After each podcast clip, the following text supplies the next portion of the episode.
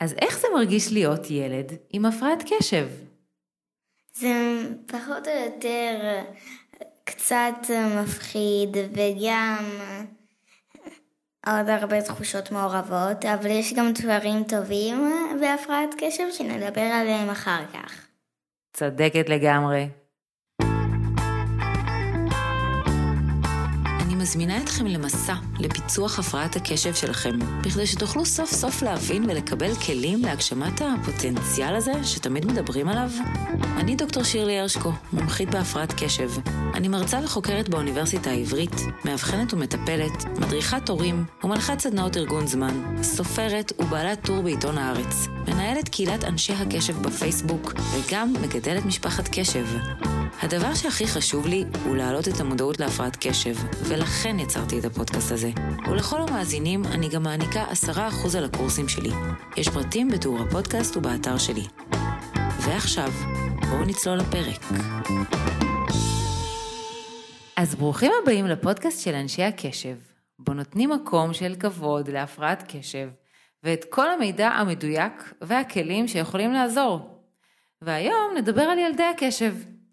נצלול לעומק החוויות שלכם כילדי קשב וההשפעה שלהן עליכם היום כמבוגרים.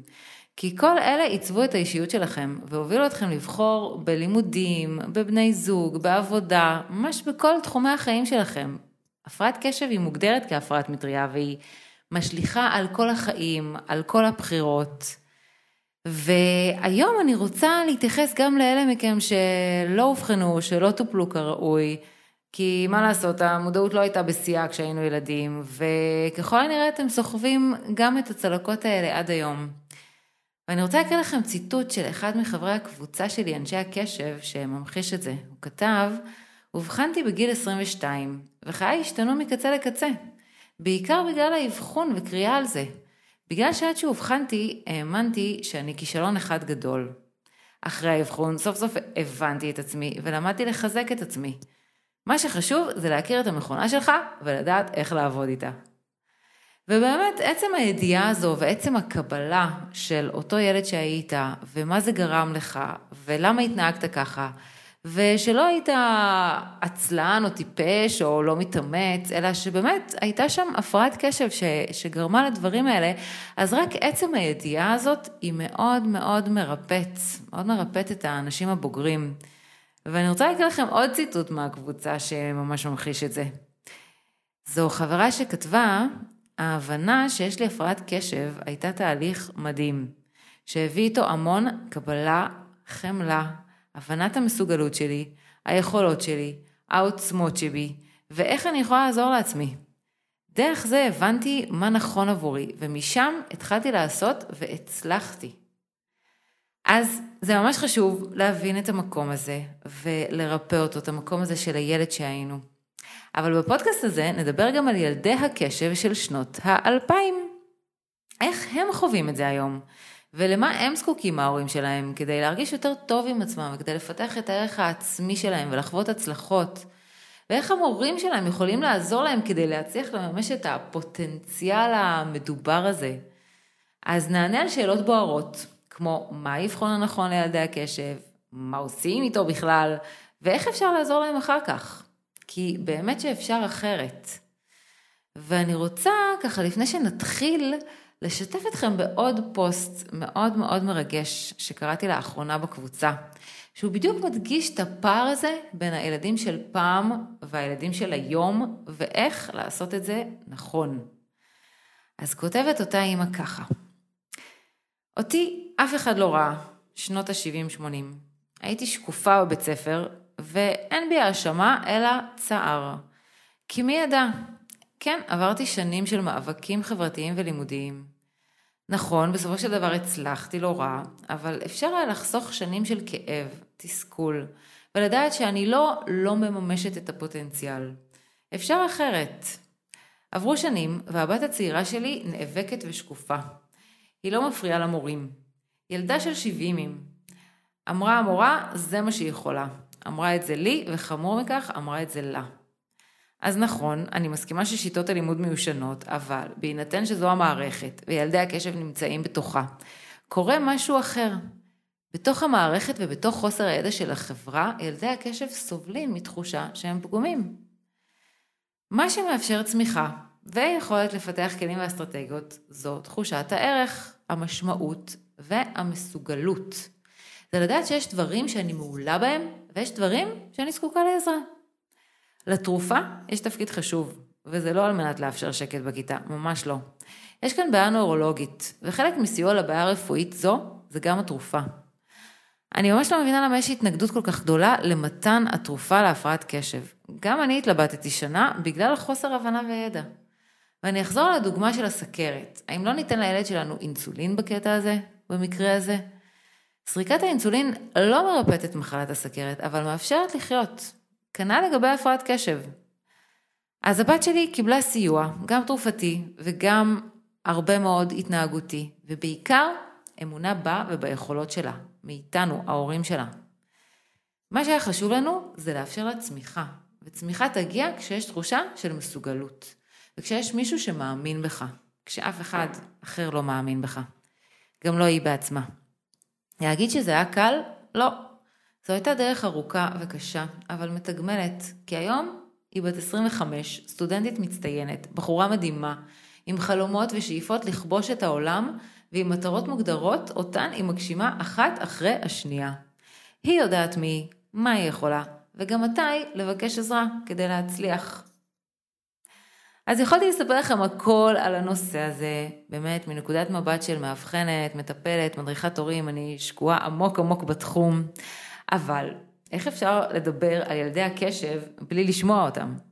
ותאמינו לי, הם יודעים לתאר את זה בצורה הכי ממחישה והכי מיוחדת והכי מרגשת שיש. ולכן, היום הבאתי לכם אורחת מיוחדת במיוחד. שהיא ככל הנראה האורחת הכי צעירה בפזם הפודקאסטים. היא רק בת שמונה וחצי, והיא הבת שלי, אלה הרשקו. שלום אלה. שלום אמא. אלה אובחנה עם הפרעת קשב בגיל חמש. ומאז גם נפגשה עם הרופא שאבחן אותה כמה פעמים כדי להתאים את הטיפול המתאים. אז איך זה לעבור אבחון להפרעת קשב אלה? זה פחות או יותר כיפי וגם קצת מפחיד, אבל זה גם כיפי מאוד חוץ מהכיף והמפחיד. ומה מה יש שם באבחון של ההפרעת קשב? מה עושים שם? אה, מה שעושים שם, אז הרופא שואל אותך שאלות, ואתה צריך לענות לו. אותי הוא שאל איך אני קוראת, יותר נכון איך אני כותבת, ואני עניתי לו שאני כותבת בכך שאני שרה לי את האותיות. אז היית ממליצה לילד לעבור אבחון להפרעת קשב? כן. למה? בגלל שזה יעזור לו מאוד אם יש לו הפרעת קשב, ואפילו אם אין לו, זה יעזור לו להבין את הילדים עם הפרעת הקשב או את המבוגרים. וואו, תשובה מעולה. אז אני רוצה רגע להסביר להורים מה זה אומר אבחון נכון להפרעת קשב עבור הילדים שלהם. כי יש היום כל מיני דברים ולא תמיד יודעים לאן ללכת ומה לעשות. אז אני רוצה להדגיש שלפי משרד הבריאות יש שלושה אה, שלבים, צעדים לאבחון הפרעת קשב. שניים מהם הם ממש חובה, ואחד זה רשות. אז קודם כל, כדי לאבחן הפרעת קשב, צריך להיות ראיון קליני עם רופא מומחה בתחום הפרעת קשב. זה בדרך כלל נוירולוג או פסיכיאטר, אבל יכול להיות גם רופא אחר שעבר הכשרה בתחום. והרעיון הזה צריך להיות באזור החצי שעה, שלושת רבעי שעה, לא חמש דקות. ממש מעבר על כל התסמינים של הפרעת הקשב, כדי לראות אם זה באמת זה. ובנוסף לראיון הזה צריך גם למלא שאלונים, שאלונים מתוקפים, מאוד מאוד מהימנים, שההורים ממלאים, המורה, לפעמים גם הילד. אלה שני דברים שממש חובה באבחון של הפרעת קשב. ויש דבר נוסף, יש גם מבחן ממוחשב. שדוגמת טובה או MOXO, BRC, מיינסטרימס, יש כל מיני מבחנים ממוחשבים לבדיקת קשב, אבל חשוב לציין שזה לא האבחון עצמו. זאת אומרת, עצם העובדה נגיד שילד יצא לא תקין במבחן טובה או MOXO, או מה שזה לא יהיה, זה לא אומר שיש או אין הפרעת קשב. מה שאומר זה רק ההבחנה מצד הרופא שמשקללת את כל הנתונים, את כל התסמינים, את כל השאלונים. המבחן הממוחשב הוא בעיקר נותן מידע לגבי הטיפול התרופתי, כי בדרך כלל עושים אותו עם ובלי טיפול תרופתי, ואולי עוד כמה דברים נוספים, אבל זה לא ההבחנה להפרעת קשב, וחשוב מאוד מאוד להדגיש את זה. עכשיו, אלה, את יודעת שהרבה הורים חוששים לעשות אבחון להפרעת קשב, כי הם חוששים מתווית. הם חוששים שהילד שלהם יקבל איזושהי תווית שפחות מחמיאה לו. מה את חושבת על זה? דבר ראשון, מה זה תווית? אז תווית זה שיגידו עליו שיש לו הפרעת קשב, ואז יתייחסו אליו אחרת. את חושבת שזה נכון? לא. מי שבאמת אוהב אותו, אז יתייחס אליו כמו שצריך. את ממש ממש צודקת, ואני רוצה לחזק את זה ולהגיד שלהפך זה יעזור להסביר אותו. ומה שזה עוד יעזור, יעזור לעשות, זה להוריד תוויות אחרות שפחות מחמיאות, שהרבה פעמים נלוות לילדי הקשב בטעות, כמו עצלן או חצוף, או לא מממש את עצמו, או לא מתאמץ, כל מיני דברים כאלה ש, שהם לא באמת הוא, שהם פשוט נגרמים כתוצאה מהפרעת קשב, ואנחנו תכף נרחיב על זה. אבל לפני כן, אני רוצה לשאול אותך, מה עושים עם האבחון הזה אחר כך? מה, מה יש לעשות איתו? למי צריך לספר עליו?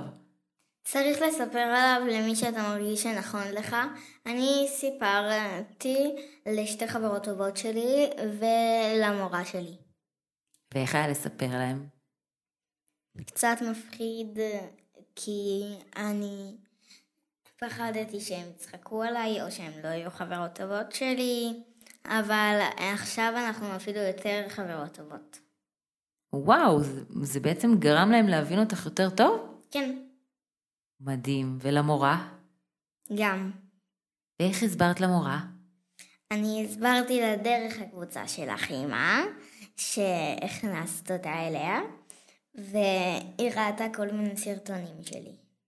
וואי, איזה יופי. זה אחלה דרך להסביר. אז אני רוצה לציין באמת בהקשר הזה שאחרי שעושים את האבחון, כדאי לקבוע פגישה עם בית ספר, עם כל הצוות, עם יועצת, מנהלת, מורה, מורת שילוב אם יש, ולהראות להם את האבחון ולהסביר להם ולתווך להם, כי זה שלב שהוא מאוד מאוד חשוב, השיחה הזו, השיח הזה בין ההורה והבית ספר של איך אפשר לעזור לילד. כי יש בעצם המון דרכים לעזור היום, יש גם שעות שילוב בבית ספר, יש הוראה פרטנית. וגם בבית יש הרבה טיפולים שיכולים לעזור. יש טיפול התנהגותי שממש עובד על הפונקציות הניהוליות האלה, על איך להתחיל מטלה, לסיים, לעבור בין דברים. יש הוראה מתקנת שמותאמת להפרעות קשב, שצריך שם יותר הפסקות ויותר חיזוקים. יש טיפול פסיכולוגי שעוזר בפן הרגשי יותר, התחושות. יש טיפול קוגפן שזה טיפול התנהגותי, יש טיפול CBT שזה אה, טיפול שיותר עובד על שינוי מחשבתי התנהגותי ומאוד מאוד טוב בלחץ וחרדות.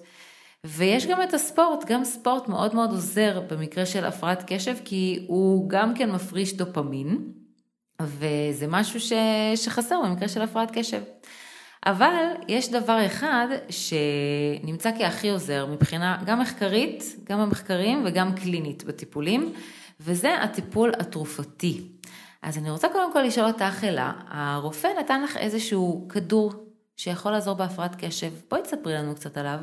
זה כדור שהוא מאוד עוזר להפרעת קשב, אבל הוא לא מבטל אותה, הוא רק אה, פשוט אה, מחזק את הדברים הטובים בה, ומחליש את הדברים הרעים בה. הוא אמנם לוקח לו ש... שעה או פחות לעבוד, אבל הוא ממש טוב.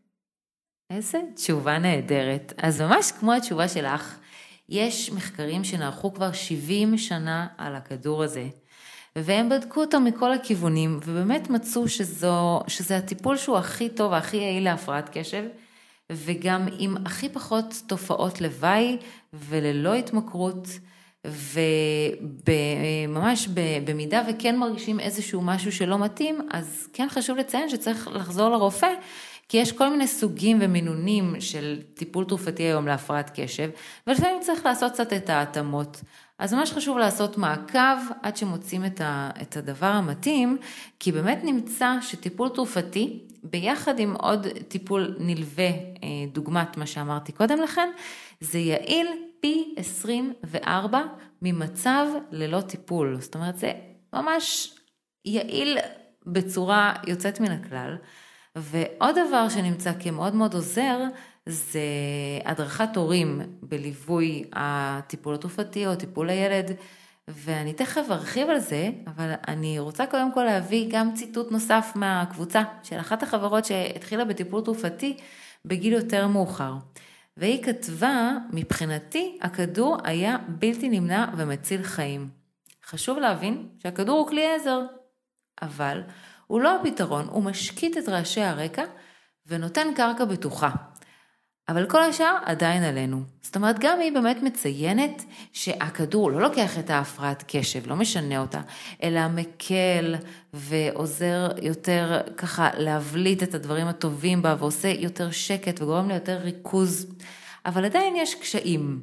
אז אני רוצה לשאול אותך, אלה, איפה את מרגישה שהקשיים של הפרעת קשב באים לידי ביטוי? אני מרגישה שהקשיים הם באים בעיקר ברעש, בחברים ובעוד הרבה דברים. כי כמו שאמרתי, אז החברות שלי פחות הבינו אותי לפני שסיפרתי להם, ואחרי שסיפרתי הן יותר מבינות אותי, אז כדאי לכם לספר להרבה אנשים, אבל רק אנשים שאתם מרגישים שכדאי. אז אני באמת רוצה להתייחס לנקודה החשובה הזו שאת מעלה אליה, שלפעמים באמת עולים קשיים חברתיים. ואז יש גם שם דברים שאפשר לעשות, מעבר לטיפול התרופתי. מה שאני ממליצה לעשות בדרך כלל בהדרכות הורים שלי זה כמה דברים. דבר ראשון, להזמין חברים, לעזור שם בתיווך בין הילדים. לעשות פעילויות שהן יותר כאלה כיפיות וגם מעצימות את הילד ואת הדברים שהוא טוב בהם. אפשר גם בבית, אפשר גם בכיתה. למצוא איזשהו תחביב שמחזקים והולכים לחוג שכיף בו ופוגשים עוד ילדים שאוהבים את התחביב הזה. ולחפש מסגרות מגוונות, לא רק בית ספר, אלא עוד מסגרות שהילד ירגיש בהם יותר שייך, יותר טוב, ימצא חברים שגם יותר דומים לו. ואת הזכרת באמת, אלה, את הנושא של הרעש, של החוסר ריכוז. אז הרבה פעמים הורים או מבוגרים אחרים יכולים לחשוב על ילד עם הפרעת קשב בטעות גדולה שאולי הוא עצלן. כי זה נראה שהוא לא מתאמץ, כשלמעשה באמת מאוד קשה לו, אבל הפרשנות המוטעית פה היא עצלנות. את שמעת פעם משהו כזה, אלה, או הרגשת ככה? לא. יופי, אני שמחה לשמוע. אז אני באמת עכשיו אספר להורים האחרים למה זה נובע ומה הם יכולים לעשות בנידון, כדי שבאמת גם ילדי הקשב האחרים לא ירגישו ככה. אז תסמיני ההפרעה של הפרעת קשב הם בעצם אלה שמבלבלים עם התווית השגויה הזאת, ואני רוצה רגע לפרט מה תסמיני הפרעת הקשב אצל ילדים, איך אפשר לדעת, או איך זה בא לידי ביטוי. אז יש תשעה תסמינים, ואנחנו רוצים לראות שישה מתוכם, לא צריך את כל התשעה, מספיק בין חמישה לשישה, זה תלוי, כדי להסיק על הפרעת קשב וכדי לדעת איך היא באה לידי ביטוי. אז אני אעבור רגע במהרה על תשעת התסמינים. הראשון זה קושי להתמקד בפרטים קטנים וביצוע שגיאות טיפשיות. זה יכול להיות ילדים שיודעים את כל החומר, אבל שוגים בפרטים הקטנים. יכולים לבלבל בין סימני פיסוק, או פלוסים ומינוסים, או לדלג על שאלות, או לא לקרוא שאלות עד הסוף. כל הדברים הקטנים האלה שלא נובעים מחוסר ידע. אז זה היה תסמין ראשון, קושי להתמקד בפרטים וביצוע שגיאות טיפשיות. התסמין השני זה קושי בהחזקת קשב. ילדי הקשב יכולים להחזיק קשב בין 5 ל-15 דקות, לא יותר מזה. וזה עושה קושי לקרוא טקסט ארוך, הם לא קוראים אותו עד הסוף, הם לא מצליחים לעקוב אחרי המורה, או אפילו אחרי סרט ארוך, והם גם משתעממים יותר בקלות. הדבר השלישי, התסמין השלישי, זה הקשבה חלקית למה שאומרים להם. זה ילדים שאפשר להגיד להם מאה פעמים והם לא יקלטו, או שהם יאבדו את רצף בשיחה, או שהם לא ישמעו שמדברים אליהם. יקראו להם הרבה פעמים והם פשוט לא ישמעו, הם יהיו מרוכזים במשהו אחר או שהם יעופפו למקום אחר. דבר רביעי זה קושי לעקוב אחרי הוראות במלואן. יש צורך בעצם לחזור על ההוראות שניתנות מספר פעמים, או לפרק משימה לחלקים קטנים, זאת אומרת לחזור שוב ושוב על אותן הוראות, יש מין קושי כזה לעקוב בצורה מסודרת אחרי הוראות של מטלה. דבר חמישי זה ארגון לקוי. אז זה קושי לסדר את האלקוט, אותה מערכת, להיכנס ולצאת מהמקלחת, ההתארגנות בבוקר היא מאוד איטית, החדר יכול להיות מאוד מאוד מבולגן עם דברים על הרצפה שהם בכלל לא רואים. דבר חמישי זה הימנעות מביצוע מטלות שדורשות מאמץ מנטלי מתמשך. וזה גורם באמת לתחייה של מטלות, ולא לסיים אותן, או לקפוץ ביניהן, וממש אפילו רתיעה מאיזושהי פעילות שדורשת קשב ארוך ומתמשך, כי זה קשה. תסמין נוסף זה עיבוד חפצים. אז ילדים ששוכחים את הסוואטשרט, או את התיק, או את המפתחות, או את הטלפון, או ציוד לימודי. דבר נוסף זה מוסכות בקולות. כל דבר כזה מסיח את הדעת, אה, הנה משאית, הנה פרפר. כל רעש, מחשבות, קופצות מדבר לדבר. ודבר אחרון זה שכחה. אז ילדים שיכולים לשכוח למסור הודעות, או לשכוח משימות, או לשכוח פגישות, או אפילו מה רצו לעשות. אז בעצם יש לנו פה תשעה תסמינים, שברגע שאנחנו רואים חמישה או שישה מתוכם, אז באמת אה, יכול לעלות חשד להפרעת קשב, וככה באמת היא באה לידי ביטוי. יש גם תסמינים היפראקטיביים ואימפולסיביים, אני לא אפרט אותם עכשיו, הם לא קיימים אצל כל הילדים. זאת אומרת, חשוב להגיד שיכולים להיות ילדי קשב, ילדים עם הפרעת קשב, ובלי היפראקטיביות ואימפולסיביות. זאת אומרת, לא נראה אותם רצים ומקפצים בכיתה ועושים רעש, אלא יהיה להם את הסוג השני, שנקרא ADD. וחשוב מאוד לא לפספס אותו, כי גם אם הם לא מפריעים בשיעור, אבל הם מעופפים בו ולא מרוכזים במהלכו, אז חשוב מאוד לעזור להם. מה את אומרת על זה, אלה? אני אומרת על זה שזה נכון, ולי יש את הסוג, הש... את הסוג השני. נכון מאוד. אז באמת הסיבה היא להפרעת קשב ולתסמינים האלה היא אורגנית, אלא את יודעת שיש לך ממש מוח שונה, ממש מבנה המוח שונה, והדופמין שזז בתוכו הוא שונה. ואם אנחנו נתעלם מזה, זה לא יעזור, זה לא יעלים את הבעיה. ממש כמו בספר שאנחנו קוראות דרקון, יש דבר כזה, שאנחנו יכולים לראות שכשהאימא לא מתייחסת לדרקון שנמצא בבית, הוא גדל וגדל וגדל וגדל וגדל. וזה אותו הדבר לגבי הפרעת קשב, היא אמנם שקופה, ולא רואים אותה, אנחנו לא רואים קשב, אבל אם אנחנו נתעלם ממנה, אז הבעיה היא רק תגדל, וזה יכול להביא גם הרבה מאוד בעיות נוספות, יש הרבה קומורבידיות של דברים נוספים, הפרעת קשב, כמו... וגם הרבה יש בבית.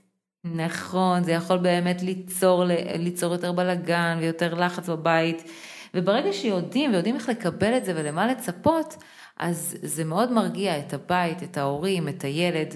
וחשוב באמת לדעת שגם אם ההפרעה שקופה, היא נוירולוגית והיא לא נגרמת כתוצאה ממסכים או תזונה או חינוך לקוי או משהו כזה, אלא ממש ממש מולדת. ובגלל זה לבקש מהילד אה, להשתדל יותר, זה לא יעזור. מה שכן יכול לעזור זה באמת כמו שאמרתי הידע הזה, המידע על ההפרעה ואפילו במחקרים נמצא שהדרכת הורים, המידע שההורים מקבלים על הפרעת קשב זה מעלה את תפקוד הילד ב-65 עד 75 אחוז. זאת אומרת מספיק שההורים מודרכים זה מעלה את תפקוד הילד בכל כך הרבה. ולכן אני רוצה לתת שלושה דגשים לקראת סיום של דברים שיכולים לעזור. אלא את רוצה להגיד לפני זה, מה הדבר שהכי עוזר לך בתור ילדת קשב? כן. מה משהו שהכי עוזר לי להיות ילדה עם הפרעת קשב, זה שיש לי אימא שהיא חוקרת הפרעת קשב, וככה היא יודעת מה אני צריכה. יואו, איזה תשובה מקסימה. אז בואי אני אגיד גם לשאר ההורים מה, מה בעצם הם צריכים ומה הילד שלהם צריך. אז אני רוצה לתת שלושה דגשים. דבר ראשון, לחזק את הכישורים של הילד. ילדי הקשב הם מתמודדים עם מספיק קשיים, אבל יש להם גם הרבה דברים טובים. יש להם יצירתיות, יש להם דמיון, יש להם מקוריות, יש להם יכולת אמפתית. יש להם חוסן נפשי, יש להם גמישות. אלה דברים שבאופן ספציפי קיימים ברמה יותר גבוהה אצל ילדי הקשב. אז אני ממש ממליצה למצוא משהו שהילד טוב בו, חזק בו, בין אם ציור, בין אם גיטרה, כל דבר שהוא חזק בו, ולהשקיע בתחביב הזה, לרשום אותו לחוג, לקנות לו את הציוד ולחזק אותו המון המון על זה. באופן כללי, ילדי הקשב צריכים יותר חיזוקים. הדופמין הוא גם מנגנון החיזוק, והוא נמצא פחות במוח. זה אומר שהם צריכים יותר חיזוקים מבחוץ, חיזוקים על, על התנהגויות טובות, על כישורים שלהם. אז ממש להעצים ולחזק כל הזמן את הכישורים. זה מאוד מאוד תורם גם לערך העצמי. זה הדבר הראשון. דבר שני, ליצור תחושה של השתייכות. הילד צריך להרגיש חלק, חלק מקבוצה שמקבלת אותו, חלק ממקום שמקבל אותו, וגם מקום שהוא יכול להביע את החוזקות שלו. אז הקבוצה הזו יכולה להיות חברים, יכולה להיות חוג, יכולה להיות בבית ספר, יכולה להיות במסגרות אחרות, וגם יכולה להיות הבית. וכדי לחזק את תחושת ההשתייכות הזאת, למשל בבית, אז צריך לתת לילד תפקידים שהוא יאהב לעשות, וככה הוא ירגיש שהוא תורם בבית, כמו למשל לאפות עוגה. נכון, אלא איך את מרגישה שייכות בבית? אני ממש רוצה לנקות את הבית, אבל אמא ואבא לא מרשים לי, בגלל שיש לנו כבר מישהי שמנקה את הבית. אז את יודעת מה? מעולה, מעולה שאת אומרת לי את זה.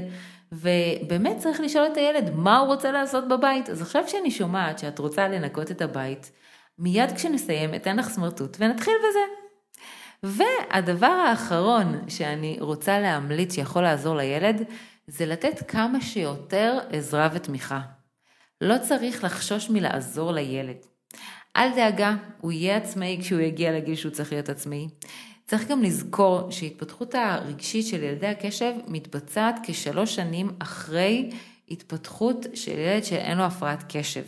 זה אומר שהם יכולים להיות גם יותר ילדותיים, וזה אומר שיותר קשה להם. ואנחנו צריכים לחפש את כל הדרכים שאפשר לעזור להם ולא לחשוש מזה. העזרה הזו רק תצמיח אותם, רק תגרום להם להרגיש שהם יכולים לעשות ושהמשימה היא יותר אפשרית. כי באמת מחקרים מראים שאנחנו נמנעים ממשימה כשהיא פשוט קשה לנו, שהיא נראית קשה לנו. אז ברגע שמורידים מהקושי ומראים שיש שם את האפשרות לעזרה, אז הילד ירגיש הרבה יותר בטוח לנסות לעשות את הדברים ולהצליח בהם.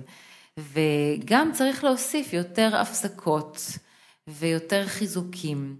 ולשתף גם בעצמכם בכישלונות שלכם ובטעויות שלכם, כדי שירגיש, ירגישו ככה בחברה טובה ושזה בסדר, גם מטעויות אפשר ללמוד. נכון, מאיזה טעות למשל למדנו לאחרונה אלה? למדנו שהטעות לאחרונה זה שאתה לא מספר להורים שלך דברים. אוקיי, מעולה. אז באמת, זו טעות לא לספר להורים דברים, ו, ואפשר ללמוד מזה אה, להבא. למה כן חשוב לספר, מה קרה כשלא סיפרנו. אז ממש לעשות שיח פתוח גם לגבי הטעויות, ותשאלו, תשאלו את הילדים שלכם, כמו שאני שואלת עכשיו את אלה, ממש תשאלו אותם, הם, יש להם את כל התשובות מבפנים. ואני רוצה לקראת סיום, ממש עוד רגע אנחנו מסיימות, לספר על פרופסור מאוד מאוד מכובד בתחום הפרעת הקשב, ברקלי, שהוא אמר פעם שעבור הורים לילדים עם הפרעת קשב זה כאילו הם תכננו לעלות על מטוס לוונציה ולהגיע לאיטליה. הם קראו ספרים על איטליה והתאמנו על איטלקית והחליפו כסף והכל, היו מוכנים. וכשנחתו, הם היו באיסלנד. הם גילו שהם באיסלנד. אז איסלנד יש שם נופים מרהיבים ואנשים מופלאים, אבל זה לא איטליה. אז מה אפשר לעשות? שם נמצאים. אז מה שאפשר לעשות זה באמת ללמוד את המדינה החדשה וליהנות ממה שיש שם. אז ילד עם הפרעת קשב הוא קצת שונה, אבל יש בו גם הרבה דברים נפלאים, כמו שדיברנו וכמו ששמענו. ולא סתם, יש גם הרבה מפורסמים עם הפרעת קשב, כי באמת הדברים החזקים שם, הם באים לידי ביטוי. אלה, את היית רוצה להיות מפורסמת? כן. מה היית רוצה לעשות? הרבה דברים. מעולה, יש לך בהחלט את היכולות ואת החוזקות. אז אנחנו נסיים בשאלה ששאלתי אנשים מה, מקבוצת אנשי הקשב שלנו, ושאלתי אותם, מה הייתם רוצים שההורים שלכם ידעו על הפרעת קשב כשהייתם ילדים?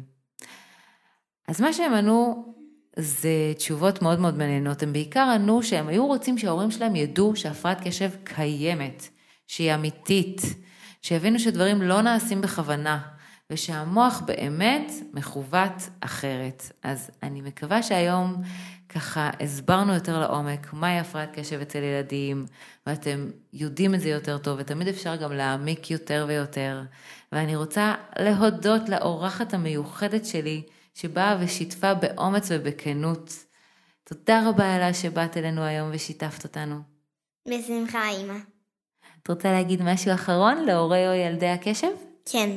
אני רוצה להגיד להורי הקשב שכדאי להם שהם יבדקו את הילדים שלהם, אפילו אם יש רק תסמין אחד.